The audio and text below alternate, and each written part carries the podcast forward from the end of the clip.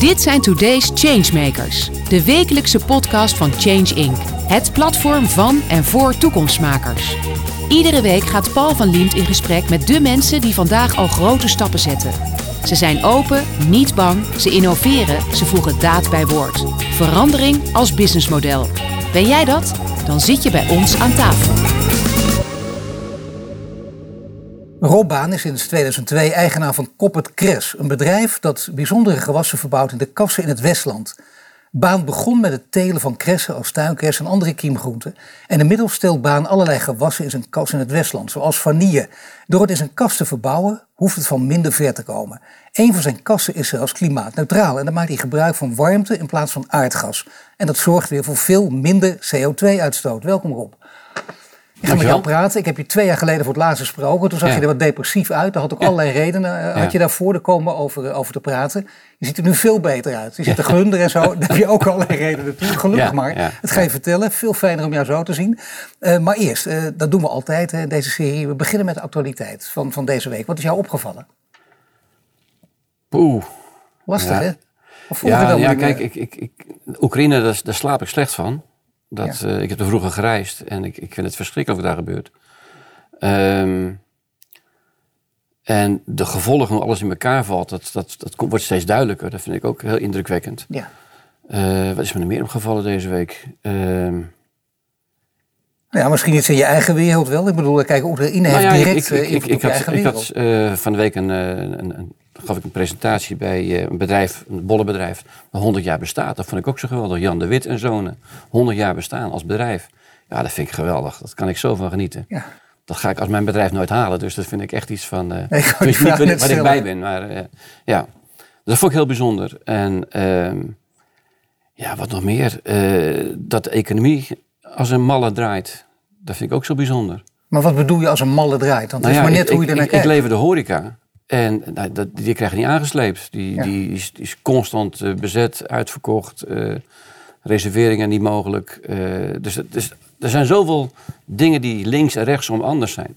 Dat is wel heel fascinerend om te maar zien. Misschien aardig om meteen dan die, die, die overstap te maken. Na een paar jaar geleden. Toen het, ja. het ging eigenlijk met jou altijd heel goed. Hè? Ja. Iedereen weet dat die man met die rode bril, een beetje het artistieke uiterlijk die in alle talkshows optrad. Mensen waren ook blij, hè? Dat ik ja. ook. Als je jou ja, zag als talkshow-host, wist je ook... dat wordt feest, wordt een leuk gesprek.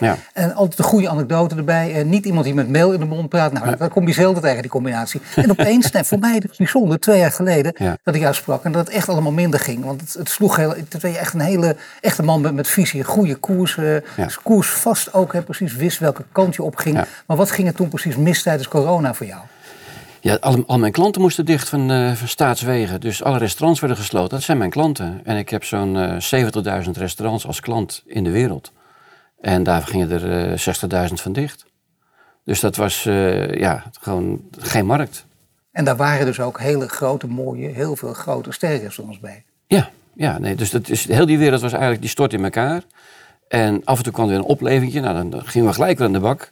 Alleen ja, je kan planten niet zo trainen dat zij dus een half jaar niks doen. Opeens dan heel goed produceren en dan weer stil gaan staan. Dan, dus je moet die productie aan, gang, aan de gang houden.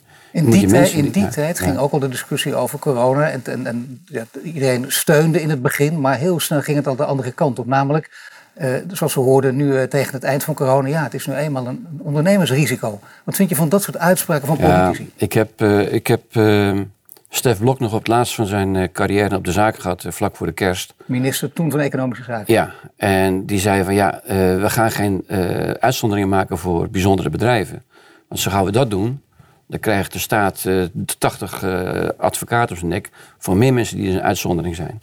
Alleen mijn bedrijf heeft een schade gehad.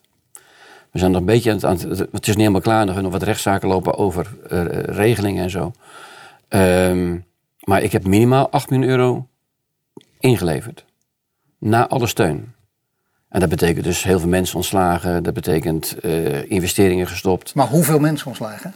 Nou, fysiek uh, 25 ongeveer. En dan heel veel contracten niet verlengd. Dus en, en, en uitzendkrachten afgestoten. Rekenen ongeveer 100.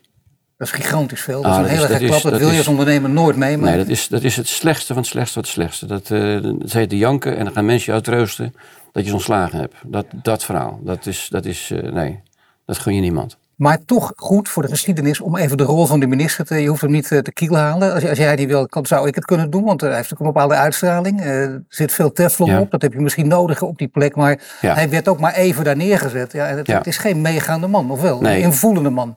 Nee, nee. Ik, nou ja, dat kan je man niet, kwalijk nemen. Maar in die functie zou ik misschien... Als, ja, ik zou die functie niet kunnen. Want ik, ik, ik ben zo niet. Dus ik, ik kan het ook niet.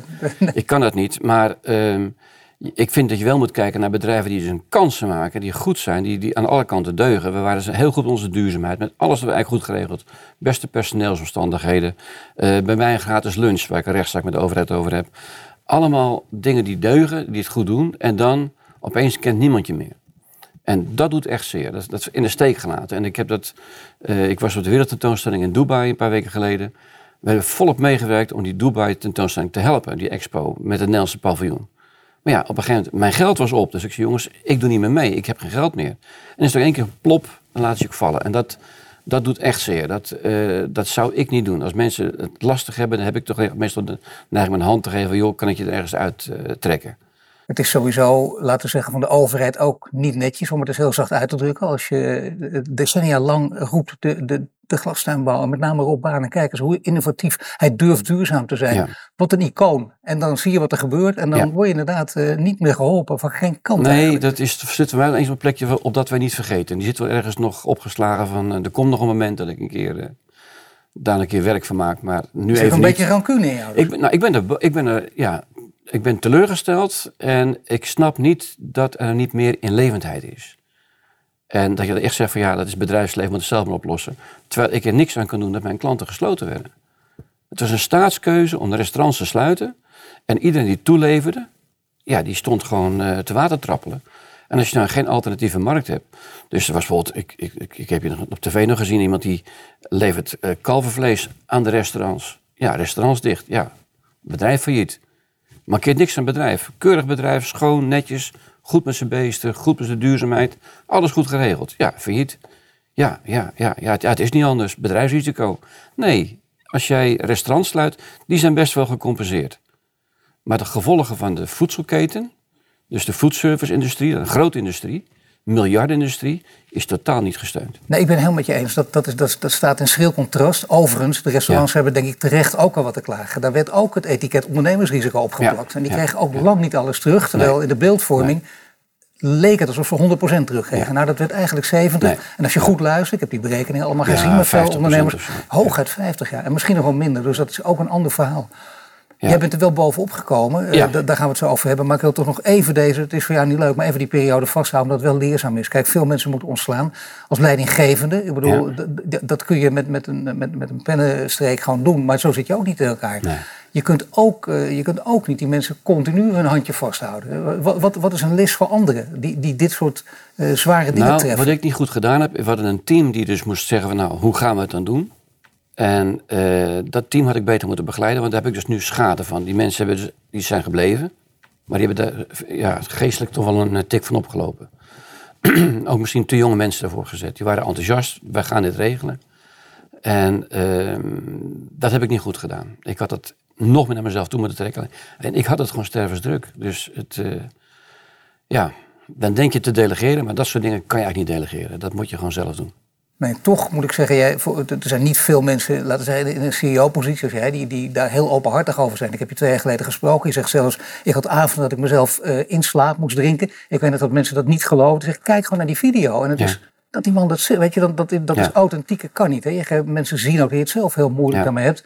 En uh, je wil er niet te veel over praten, maar toch, uh, je hebt met je vrouw ook iets vreselijks meegemaakt. Ze was heel ziek en ze gelukkig helemaal bovenop gekomen. Maar voor jou kwamen er ook heel veel dingen samen. Ik bedoel, een gemiddeld psycholoog zegt ook, dat zijn, dat zijn twee traumatische, misschien wel drie tegelijk. Dus dat is ook niet zo makkelijk om eruit te komen. Nou, ik ben best wel trots op mezelf dat ik eruit gekomen ben.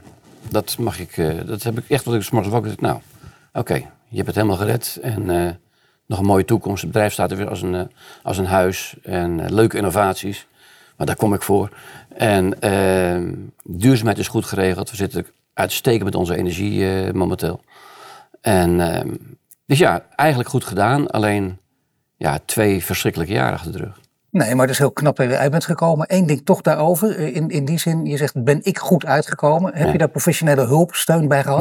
Nee. Is, is dat niet, is dat niet uh, sorry dat ik het zeg, maar niet een soort verkeerde stoerheid? Ik bedoel, je hoort het vaak mensen met traumatische ervaringen.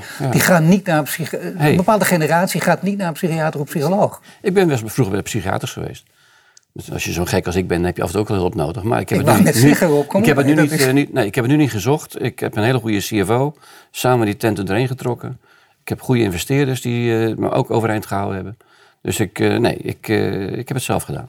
Toch zullen, zullen oppervlakkig gezien mensen denken, wacht even, maar na corona dan krijg je de glastuinbouw. Kijk, hier de Volkskrant. Iedereen schrijft over de ja, Volkskrant. Een goed ja. stuk, denk ik. Ineens staat de glastuinbouw het water aan de lippen. Ja. Vanwege de hoge energieprijzen, oorlog in Oekraïne. En dat loopt opnieuw wordt er ook nou, meteen weer geroepen. Dat was al voor Oekraïne. Hè? Voor Oekraïne zo. Ja. Het wordt nu alleen natuurlijk nog. Uh, het gaat een enorme versnelling. Bovendien wordt ook bijgeroepen. Ook weer hè, vanuit de politiek. Is een ondernemersrisico. Wat vind je daarvan? Ja, dat is, dat is echt fout. Kijk, als we met z'n allen besluiten dat Groningen dicht moet. Is het het minste wat je kan doen zorgen dat Nederland genoeg gas heeft. Dus die, die gasvelden, of die, die uh, opberglocaties, locaties bij het bergen onder andere, ja, die zijn leeg. Ja, wie, wie haalt dat nu in zijn hoofd? Dus als je als, bedrijf, als land besluit van oké, we gaan heel duurzaam zijn, dan moet je wel zorgen dat de economie doorgaat. Dat is toch wel een leuke combinatie. Hier is gewoon gefaald. Dat wordt onder het matje geschoven, maar we hadden gewoon die, die, die gasvoorraad, we hebben die gasrotonde hier in Nederland, die moet je volzetten voor de winter. En dat was niet gebeurd. Ja, en als er dan opeens fluctuaties gaan plaatsvinden in de markt door vraag en aanbod en tekorten, ja, dan schiet je prijs omhoog. En uh, heel veel tuinders hebben gelukkig lange termijn uh, contracten. Ik zit bij Vattenval. En dat is gewoon een lange termijn verhaal. En, dat, en Vattenval blijft overeind. Maar heel veel mensen hebben daar weer handelaren tussen zitten. En die kunnen, het niet vol, die kunnen dat risico niet dragen. Dus die vallen om. En dat mag je dus inderdaad geen ondernemersrisico noemen. Nee, dat vind ik... Zeggen, uh, nee, hebben, nee. anderen hebben hier fouten gemaakt. Hebben steken ja. laten vallen. Ja. Kijk, wat ik gedaan heb is... Ik wilde per se van gas af. Dat was gewoon mijn eigen wens. Um, Vervolgens gaat de overheid allerlei rare regelingen bedenken, waardoor het dus opeens helemaal niet interessant is om gas af te gaan. Maar Jan Minnesma gaat zeggen dat gas opeens heel goed is. Was ik ook even verbaasd over, van hé, hey, waar komt die nou vandaan? We zouden stoppen met gas. En, uh, en vervolgens gaat die prijs helemaal uit het dak vandaan. Ja, daar kan, daar kan een ondernemer geen, geen, geen rekening mee houden. Dat die zo uit, uit de klauwen lopen. Nou zit jij in het bestuur van de brancheorganisatie Ja. van de glastuinbouwers. Ja. De hele tuinbouwwereld kijkt hier natuurlijk met gespannen ogen naar. We komen zo meteen over jouw situatie te spreken. Maar eerst los daarvan. Die tuinbouw, die glastuinbouw schrikt zich te pleuren, om het Ja. eens even plat te zeggen. Ja, ja. Wat, wat kun je als bestuur dan doen? Bestuur van een brancheorganisatie. Want vaak kun je, heb je, heb je, ja, kun je weinig doen. Nou ja, kijk, Frankrijk heeft dus gezegd... er komt een, een cap op het hoogste prijs van het gas. 70 cent. Wij hebben hier dagen gehad dat het eh, over de 3 euro heen zat.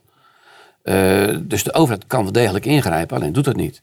En we hebben een verhaal van nou, ergens in april of zo, eind april... dan wordt er een oplossing bedacht. Ja, dan is, het, de gas niet meer nodig. Er wordt nu echt een gat geslagen. Dus heel veel tuinders, die zaaien nog niet of planten niet. Want ja, dan kan je beter die kas leeg laten liggen. Eh, er zijn tuinders die verkopen hun eh, gascontract aan de buurman... die dus daar weer verder kan gaan. Dan hebben ze dat nog een beetje overeind blijven. Eh, bedrijven die niet geïnvesteerd hebben in, in duurzaamheid de afgelopen twintig jaar... Ja, die gaan het heel zwaar krijgen. Dan praten ze over 20 procent. En dat zijn heel veel bedrijven die dat, die dat niet gedaan hebben. Jij hebt het wel gedaan. Je Ja. noemt overigens wel Frankrijk als voorbeeld. Ja. Is de druk van de brancheorganisatie zo groot dat je, dat je het bij de Nederlandse overheid ook kunt aandragen? Frankrijk als voorbeeld en dat ze dan toehappen? Of dat serieus nemen? Ja, ehm, in deze fase slim om broedende kip niet te veel storen. Er wordt dus, onze voorvrouw eh, Adrie Bom-Lemsta is volop in overleg met de overheden. De ministers luisteren nu, dat is al een heel, hele stap. Maar het is een nieuw kabinet. Net nog niet eens echt ingewerkt. En dan zo'n klap op je nek. Dat, is, eh, dat vraagt heel veel aandacht. En het gaat om grote bedragen. Dus, ehm, en wat mij stoort is, opeens gaat iedereen duikt op die tuinbouw van ja, gastuinbouw en eh, de, de bloemenjongens moeten groenten gaan produceren.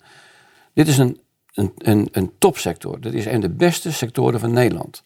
Het is, Nederlandse tuinbouw is wereldberoemd, behalve denk ik, zeg ik wel eens in Nederland. Als je in China driehoog achteraan belt en je zegt ik kom uit Nederland, zeggen ze tuinbouw. Als je naast ik ben tuin, dan zeg je joh, kon je leren? Dat is een beetje de, de, de, de relatie die er is. Nou, het is heel goed dat je zegt, Chinezen kwamen ook allemaal hier kijken. Ze Ja. bijna vergeten. Ja, vorige nog. burgemeester Amsterdam, waar we nu praten van de Laan, nam ook Chinese burgemeesters Ja. van Shanghai en. Beijing mee hier naartoe. Dat, is, eh, dat waren echt. eh, Nou, ik heb vroeger wel in China gewerkt, dus ik weet het echt. En eh Nederlandse tuinbouw wereldwijd is, is beroemd. Alleen niet echt gewaardeerd door, door, door, de, door de overheden die het niet zien. Ja, als succes is, ik bedoel, minister van Japan of de president van Japan komt naar Nederland. Wat wil hij bezoeken? Een kas. Hij wil het mirakel van Nederland wel eens zien. En dan, zit gaan die ministers mee van ja, wat moeten we nou eigenlijk? Maar die ziet dus niet dat het zo belangrijk is. Drie weken voor de coronacrisis had ik de grote baas van uh, landbouw, de secretary van de United States, uh, Sonny Perdue, die was 24 uur in Nederland, of nee, 12 uur in Nederland, ging van Brussel naar Schiphol en ging dus langs bij een kassenbedrijf.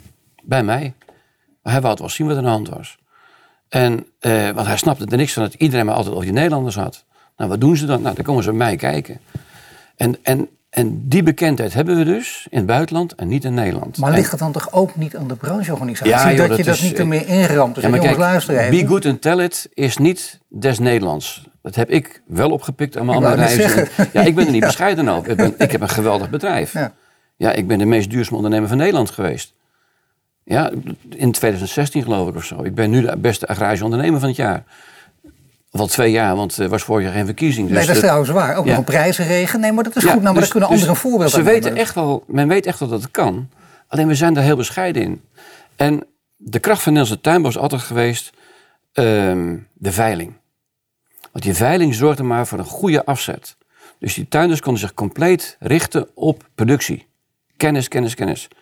De zwakke van onze tuinbouw is, is de veiling. We hebben nooit nagedacht over zijn eigen afzet. Ja. Nou, en mijn bedrijf, die past niet via een veiling. Ik moet altijd mijn eigen afzet regelen. Dus ik ben dus echt een, een, een, een uitzondering erin, dat ik zelf met die markt bezig ben. Je hebt sowieso veel geluk gehad dat je een uitzondering bent, hè? dat je met die markt bezig bent, maar ook dat je natuurlijk, eh, dat, dat je zelf ook, ook veel meer durft dan gemiddeld. Dat, dat durf ik gerust te zeggen, want dat, de bewijzen liggen op tafel. Ja. Maar je hebt ook met, met die sterrenrestaurants te maken gehad, waar duurzaamheid al heel lang een grote rol speelt. Dat heeft jou ook aan het denken gezet. Tuurlijk. En dat heeft je nu geen windeieren gelegd. Dat is nu heel prettig voor je. Kun je dat uitleggen? Nou, ik verkoop dus over heel de wereld. En een van de grotere markten die we hebben is Dubai. Of Midden-Oosten eigenlijk. Nou, dat is natuurlijk eigenlijk heel gênant. Ik heb er zelfs gezien dat de aardappels worden ingevlogen in Dubai. Hoe haal je het in je hoofd? Uh, mijn product wil ik duurzaam afleveren, dus CO2-neutraal eh, afleveren op Schiphol. En daar vandaan, wat daarna gebeurt, daar ga ik niet over. Want dat is, hoe, ver, het vliegt hoe het vliegtuig in elkaar zit, dat is mijn ding niet. Maar ik wil het in ieder geval zorgen dat ik het met een schoon geweten op de vliegtuigtrap zet van het vliegtuig. Uh, en daar heb ik een bedrijf op ingericht. En die koks die willen dat ook graag. Die zijn ook echt fanatiek in die duurzaamheid. En als je een product dat over grote afstanden getransporteerd wordt, dan moet je zorgen dat het, dat het wel klopt. Nou, daar maken we ons sterk voor. Nu is het zo dat jij, omdat je zo snel uh, voorloper bent geweest in deze wereld op het gebied van duurzaamheid, dat je ook veel minder afhankelijk bent van gas. En daardoor, ik snap dat jij hier niet hard gaat lopen juichen, want heel veel van je collega's binnen de organisatie waar jij in het bestuur van zit, die, die, hebben het minder goed. Maar voor mij, uh, ik, ik, wil toch graag dat je nu wel even dat verhaal vertelt, zonder dus uh, veranderen, want dat is een heel mooi verhaal natuurlijk. Nou, ik wilde dus in 2009, toen kwam mij die, die, die, die change, 2008, van oké, dit moet anders, dit kan beter. En uh, in, sinds 2005 of zo hebben we een idee over de kas als energiebron. Als je op een terras gaat zitten op het strand in de winter en het zonnetje schijnt, dan doe je juist uit, zo warm is het. Dus die, die broeikas, effect van die kas is geweldig. Die kas die kan zoveel energie aan, die kan drie keer meer energie maken dan die nodig heeft. Dus als je die warmte op kan slaan, wat we dus doen onder de grond, uh, in een warmte-koude opslag. Dus we, Nederland is een gezegend gebied. We zijn een delta. Dan heb je lagen klei, zand, klei, zand, klei, zand. En tussen die twee lagen in, dat is eigenlijk een ongestoorde laag. Als je daarin je warmte doet, dan in de, in de zomer, dan kan je die zwinters terugpompen. En heb je dus gewoon je, heel je, energie opgeslagen. Je hebt een accu onder de grond, 170 meter diep. Uh, dat hebben wij heel tot in de perfectie uitgevoerd. Uh, en alles wat we aan warmte kunnen oogsten, wij oogsten slootwater. De warmte uit het slootwater, dat is 15% van onze warmte. Dat zomers is dat, dat water onze sloot is dus koud. Dus die visjes zijn blijer, er zit meer zuurstof in. En ik oogst 15% van mijn energie eruit. Ik heb een warmtedak. Geen zonnedak, een warmtedak. Uh, de zon geeft heel veel energie op de aarde af. Een, een, een uh, zonnecollectoren, uh, of weet het, zon-PV's, halen daar 17% uit. Qua warmte haal ik er 50% uit. Uh, mijn kast maakt heel veel warmte in de zomer. Die oogsten we. Die, we ventileren niet weg, gaan geen ramen open. We oogsten die warmte eruit. Uh, mijn ledverlichting is watergekoeld, dus de warmte in die lampen wordt ook weer geoogst. Zelfs het zweet van mijn kantoor wordt geoogst als warmte dat de grond naar gaat. En daarmee kan ik eigenlijk jaar rond heb ik warmte over. Ik ga zelfs de huizen naast ons geef ik nog warmte. Dus dat is een hele mooie techniek. En die kan veel verder ontwikkeld worden. We krijgen binnenkort aansluiting van uh, aardwarmte. We hebben Polanen, een project bij ons. gaat drie kilometer de grond in. Komt ook warmte uit. Zomers hebben die warmte nodig. Ik heb die buffer. Pompen maar vol. Dus je kan op die manier veel meer dingen voor elkaar krijgen. Alleen de regelingen van de overheid veranderden. En spel, de spelregels veranderen opeens. En dan help. En nu krijg je het probleem.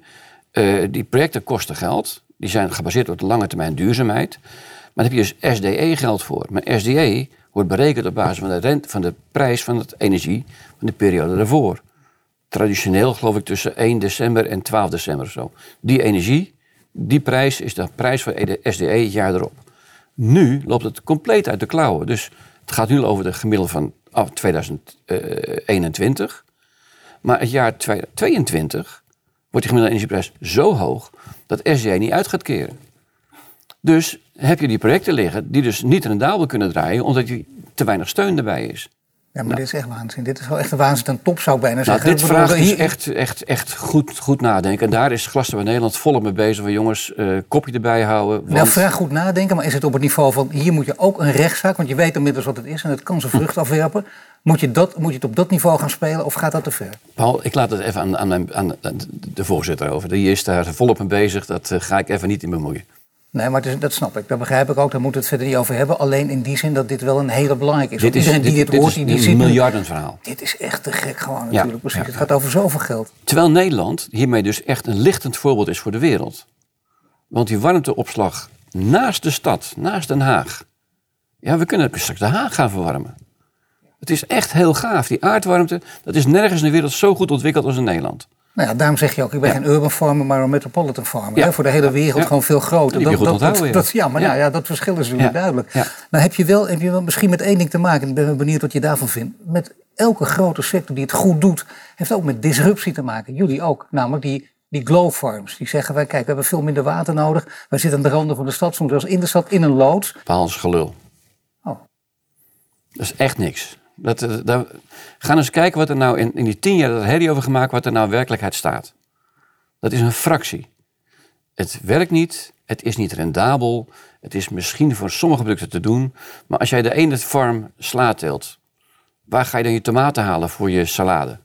Die moet je dan een andere farm halen, in de stad, met je, met je, met je, met je autootjes. Dat hebben we geregeld. We hebben die, die kassen kunnen nog veel verder ontwikkeld worden. De zon gaat voor niks op. Dan heb je zo'n farm helemaal, helemaal dicht.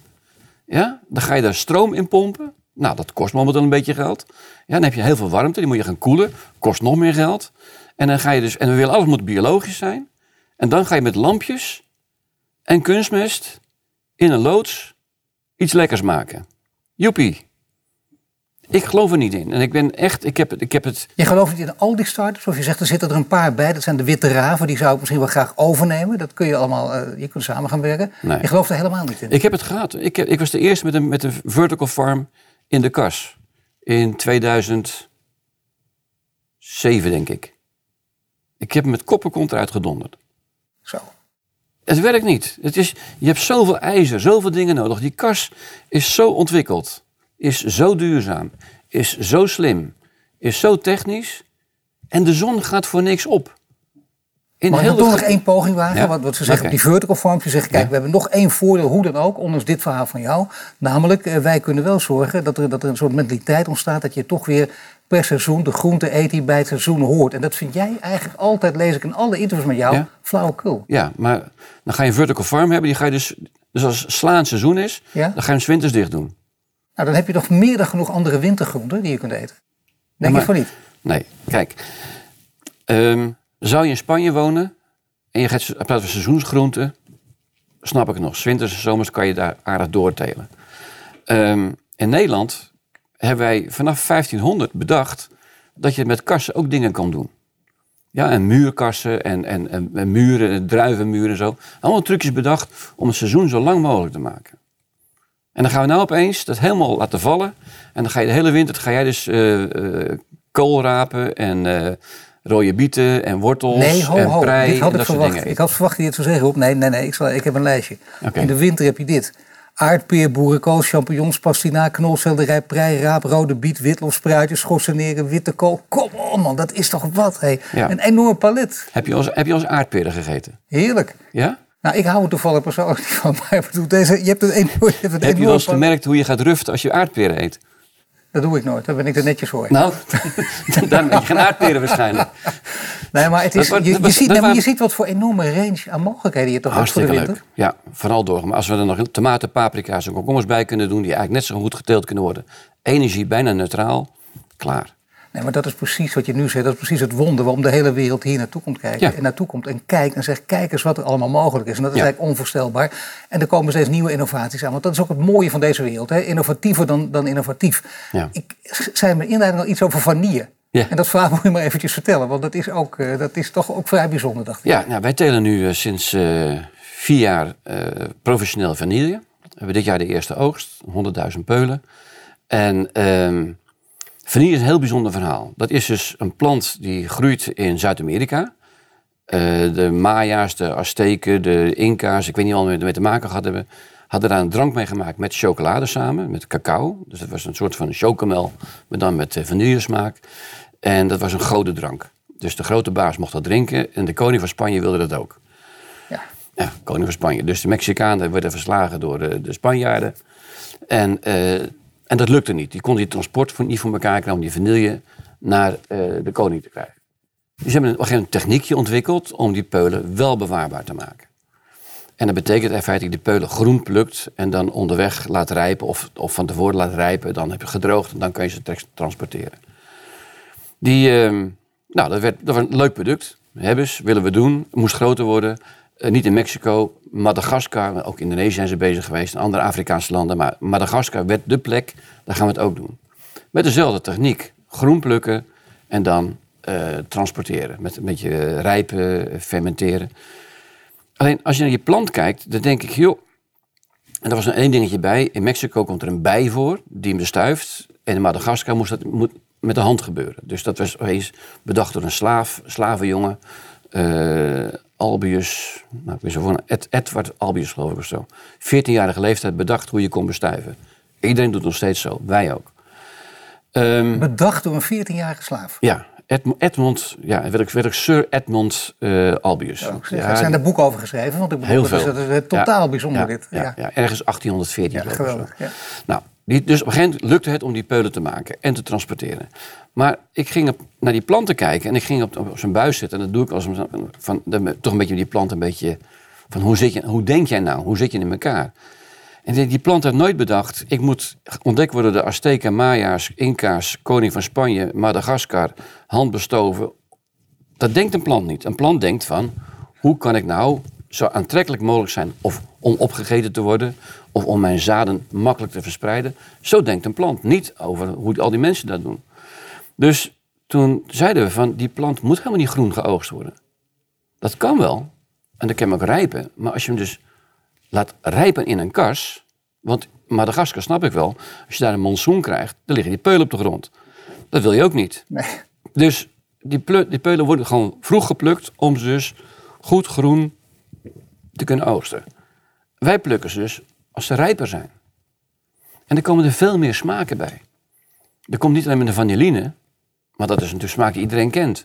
Maar, Dus ook lekkerder dan wanneer je hem uit Madagaskar laat komen, bijvoorbeeld. En, en dat vinden ze bij sterrenrestaurants ook. Want daar staan natuurlijk mensen in de keuken die echt weten hoe, Deze wat week, smaak is. as we speak, leveren we uit. En ik ben heel benieuwd wat mensen gaan zeggen ervan. Maar de die wij dus maximaal laten rijpen, die er zijn er nu zo gek veel. Die zijn ook uitverkocht eigenlijk. Ehm, daarvan is vanillevla is rood. Vanillevla is niet geel, vanillevla is rood. Er zitten zoveel kleuren in. En de smaakpanels die we hebben vorig, vorig jaar, die waren echt van, wat gebeurt mij? Dit is geen vanille. Het is wel vanille, maar dit is de echte vanille. Je zit hier echt te glunder ook. Hè? Dit is, maar- eh, dit is ja, maar even wat. Het is toch kicken als je Ja, iets kan maken wat niemand kent. en kijk, we hebben zo'n eh, close relatie met die chefs. Eén op één, met, met de topchefs van de wereld. Die echt zeggen, joh, hoe, waar haal je het vandaan? Maar dit wordt een van de gerechten straks. Je gaat naar een mooi, eh, laten we zeggen, sterrenrestaurant in New York. Je kunt het allemaal betalen, die vindt het leuk. Je wil even jezelf eh, gaan eh, verteren. Ja. Rode vanillevla. Ja, Dan maak je indruk ook. Ja, dat is geweldig. Nee, maar dit, dit is ijs, maar ja. Dat maakt niet uit. Nee, maar goed. In die richting. Dan is er nog iets. Namelijk, eh, ja, dit, dit, als, als dit kan, mogelijk is, dan, dan, dan zijn de, de mogelijkheden eindeloos. Als er maar geld genoeg is, als de innovatieve kracht ook groot genoeg Ja, is. ja. En dan kun jij nu, na, na al die, eh, die tijd dat je in deze wereld zit, kun je denk ik een redelijke inschatting van maken. Nou ja, we zijn al doorgegaan. Want we hebben, in de coronatijd hebben we zelfs eh, een, een caviar geïntroduceerd. Moai caviar, dat is een zeewier. Vegetarische caviar. Perfect.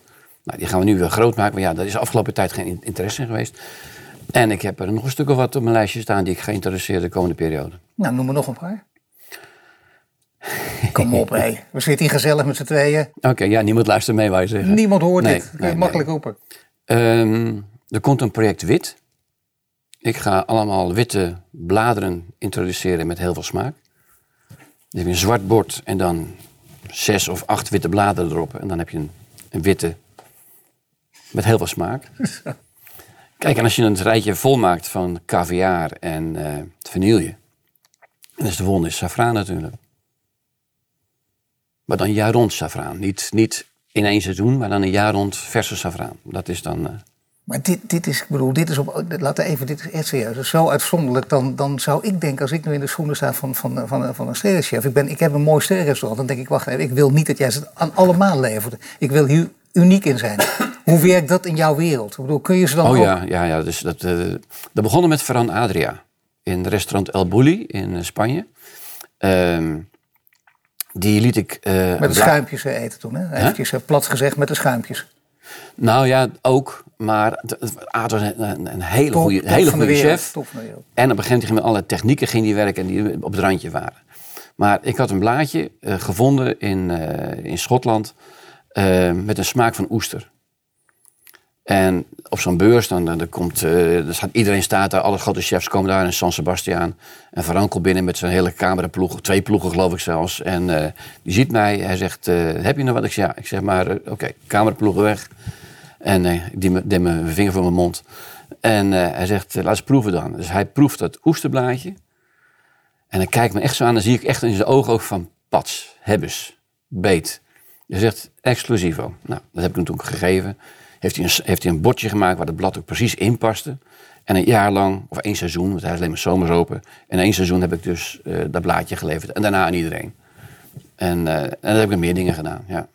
Ja. Hij is geweldig. Ik, vind het, eh, ik merk het ook. Dat blij- iedereen die dit hoort, die merkt het ook, denk ik. Ik, ik zie het. Helaas zouden mensen eh, die, dat ze dit nu niet zien. Want je zit echt de hele tijd te glunderen. Je bent Ja. helemaal de oude Ja. Robaan gewoon weer. Ja.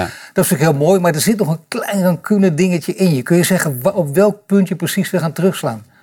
Gaat het over, over die rechtszaak met We- die, eh, nee, met, kijk- die, met, die, met die... Nou ja, misschien wel met die lunches. Oh, die lunches, ja. Ja, als dat lukt. Maar dan is iedereen gelukkig, hè? ook de Belastingdienst. Ja. Want die, hebben ook zelf, die eten zelf ook brood tussen de middag. Dus die willen heel graag dat ik win. Alleen, eh, dus daar hebben we een eh, afspraak over gemaakt. Dat wij dus de hoge, de, de- we gaan het niet de hoge beroep, we gaan naar de Hoge Raad in één keer. Dus dat is, Zo. ja, dat willen we gelijk maar eventjes goed doen. Dan is het dus echt alles of niks ook meteen. Ja, maar ja. Maar als je wint, wat, wat, is, dan de, wat, wat is dan uiteindelijk de uitkomst? Nou kijk, de boodschap. Ik ben- er heel lang bezig geweest over dat groente en fruit moet je eigenlijk niet belasten. Dat is een van de gezondste dingen die je kan kopen. En, eh, en daar rekenen we gewoon een belasting over. En gingen we opeens gingen we die hoog belasten. Ja. Ik bedoel, een nieuw kabinet en de, de, de actie qua gezondheid. Minister van eh, Preventiebeleid. En we gaan de BTW verhogen van het lage tarief naar het hoge tarief. Haal je het in je hoofd. Dus doe dan geen belasting. Nou, dat zit er nu aan te komen dat dat waarschijnlijk van elkaar gaat komen. Maar dan komt de volgende stap. Ehm, heel veel mensen lunchen op de zaak. Omdat het gewoon te ver bij alles vandaan is. Maar we moeten per dag 400 gram groente eten. Dat hoort bij ons menu. Zo zijn we als mens gemaakt. Dat red je s'avonds niet met je boerenkool. Als jij, of, je bloemkool of, of je spruitjes. Als jij, als jij in je eentje 400 gram bloemkool moet eten, dan eet je hele bloemkool. Als je met z'n zessen zit, dan heb je zes bloemkolen. Dan word je stikzagrijnig van. Ja, dat is, dat is niet leuk. Dus groenten moet je over de dag verdelen. Nou, groente ontbijt is al een heel ding, maar lunch en avondeten groente, dat is heel makkelijk om te verhogen. Dus op mijn bedrijf geef ik mijn mensen al heel lang een gratis lunch gebaseerd op groenten. 80-20. 80% planten, 20% beest. Maar dat wordt steeds minder. Dus eh, mijn zoon is echt vegetariër. Dus dat gaat er helemaal uit. Vlees, dat is eigenlijk zo'n beetje... ik geloof op vrijdag, dan ben ik er niet. Dus vrijdag doen ze een beetje vlees, geloof ik. Maar, en, ehm, Maar ik geef het gratis, want als ik mensen laat betalen voor de lunch, dan willen ze wel een kadaverstaaf of kroketten of al die andere dingen. En dat wil ik gewoon niet. Dus ik wil het gewoon dat ze het met, met, met liefde, met twee handen aanpakken van lekker. En heb je grote kerels bij mij die gewoon een salade niet zwaar zitten te eten tussen de middag. En daar helemaal dolgelukkig van worden. Da daar moet ook een camera op, want dat, dat maakt heel veel indruk natuurlijk. Zijn we in feite de beste ambassadeurs dan? Ja, maar als je, en die mensen eten s'avonds nog een keer groente. Dat is toch fantastisch? Dat nou, zo hoort eten te zijn. Wat is nou het, probleem? Als je het gratis geeft, dan wordt het, wordt gezien door de wet als loon en natura. En dat klopt ook, want als je mensen loon en natura geeft, ja, die mensen hebben liever geld. Dus je mag geen loon en natura geven, dat is een oude wet. Voor mij gaat het niet, want als je niet eet bij ons, dan kan je het, dan kan je het niet. Dus het is niks in natura. Het is gewoon, je eet het of je eet het niet. Ehm, dus ik wil, er is een, is een heel uh, verhaal geweest van de overheid, uh, jaar of, uh, dat was toen Martijn van Dam was toen nog staatssecretaris van Landbouw. toen is er een, een voedseltop geweest. Nou, alles wat een beetje Pinocchio gevoel had over wat voedsel was, dus de, de noemen de grote concerns, die allemaal vertelden dat het geweldig ging. Overal te veel zout in, te veel vet, te veel troep, te veel eennummers. Ze zijn allemaal te vertellen hoe goed het ging worden. En tussen gezegd, Nederland heeft de kans om in tien jaar tijd het meest gezonde land van de wereld te worden. Nou, dat is inmiddels al zes jaar geleden, dus dat, dat gaan we niet meer redden. Maar op basis daarvan heb ik gezegd, oké, dan ga ik beginnen mijn bedrijf met een gezonde lunch. Gratis. Om hem erin te drukken. En dat, ja, maar goed, daar krijg je een rechtszaak over. Daar hangt dus heel veel van af. En die ga, ik niet uit, die ga ik niet uit de weg. Daar hangt heel veel van af van deze rechtszaak en zo. Die zou je gewoon moeten winnen. Dat zou echt, dat zou echt zo naar de Het gaat zo langzaam, joh. Ik denk dat we, dat we al vier jaar geleden zo begonnen zijn met die strijd. Dat ik zei van, joh, ik weiger hier belasting over te betalen. Want het is 80% belasting, hè. Dus je, je, je geeft het gratis. Dat is dus in de, kom je in de bovenste schaal in soort fout, fout, fout, 80%. Dus een maaltijd van 2,50 kost mij in feite 4,5 euro. Door die wet. Gewoon een fout in het systeem. Laten we hopen dat die rechter er goed naar kijkt en dat het dan ook niet allerlei ja, uh, ingewikkelde maar, maar, de eerste rechtszaak had ik drie jonge rechters, dames, slank, alle drie. Ik denk, ja, dat is uh, appeltje eitje. Nee, de wet is gewoon, die hanteren de belastingwet. En in de belastingwet hebben zij gelijk, ik niet dan praat hier de man nu met, met, met, met die alle inzicht heeft en, en ook echt, echt alle energie heeft om die rechtszaak gewoon vol te houden. Ook al duurt het nog drie, vier jaar en zo. Oh, dat je een tijdje geleden niet gedacht. En voor de zekerheid, je hebt wel op het randje gebalanceerd. Het ging over een faillissement. Dat is een kwestie geweest van, van vier, vijf weken, heb ik van jou begrepen. Ja, dat was rond, vorig jaar rond deze tijd. Toen was ons geld echt helemaal op. En uh, ja, het was uitzichtloos. En toen ging opeens ging, ging Italië ging weer open. En er kwam weer heel veel cash binnen. En aan één keer waren we weer eigenlijk weer... Uh, En het was een goede zomer. Alleen, ja, van de herfst gingen we dan weer dicht. Uh, net voor de kerst. Moet je je voorstellen, de topperiode voor chefs, voor, voor toeleveranciers. Je zal maar, je zal maar uh, uh, kalkoenen produceren. Ja, voor de kerst. Ja, nou, doei. En die kan je nog wat misschien particulier verkopen. Maar restaurants, die, die kunnen er niks meer mee. Dus ik stond helemaal klaar voor de kerst. Nou, bam, weer dicht. Nou, ik werd er ziek van. Ja. Maar nu niet meer. Je hebt opgekrabbeld en niet een beetje ook. Het is een kwestie van vier, vijf weken geweest. Echt dat, dat balanceren, dat is goed om te weten, te horen. Nu ben je volledig terug, back on the track. En uh, we gaan nog heel veel van jou horen natuurlijk. Hè? Blij dat het zo weer gaat. Dank je voor dit gesprek, Rob Baan. En je luistert naar een podcast van Change Inc. Mede mogelijk gemaakt door Achmea, Albron, Ebbingen, Renewy en Vattenfall. Bedankt voor het luisteren naar de Today's Changemakers podcast. Een productie van Change Inc. gepresenteerd door Paul van Liemt. Ben of ken jij een changemaker? Meld je dan snel aan via onze Change Inc. website. Wil je dat meer mensen geïnspireerd worden? Deel de podcast dan op sociale media. Wil je meer afleveringen luisteren? Volg ons dan nu via je Spotify, Apple Podcast of je favoriete podcast-app. En krijg een melding wanneer er een nieuwe aflevering online staat.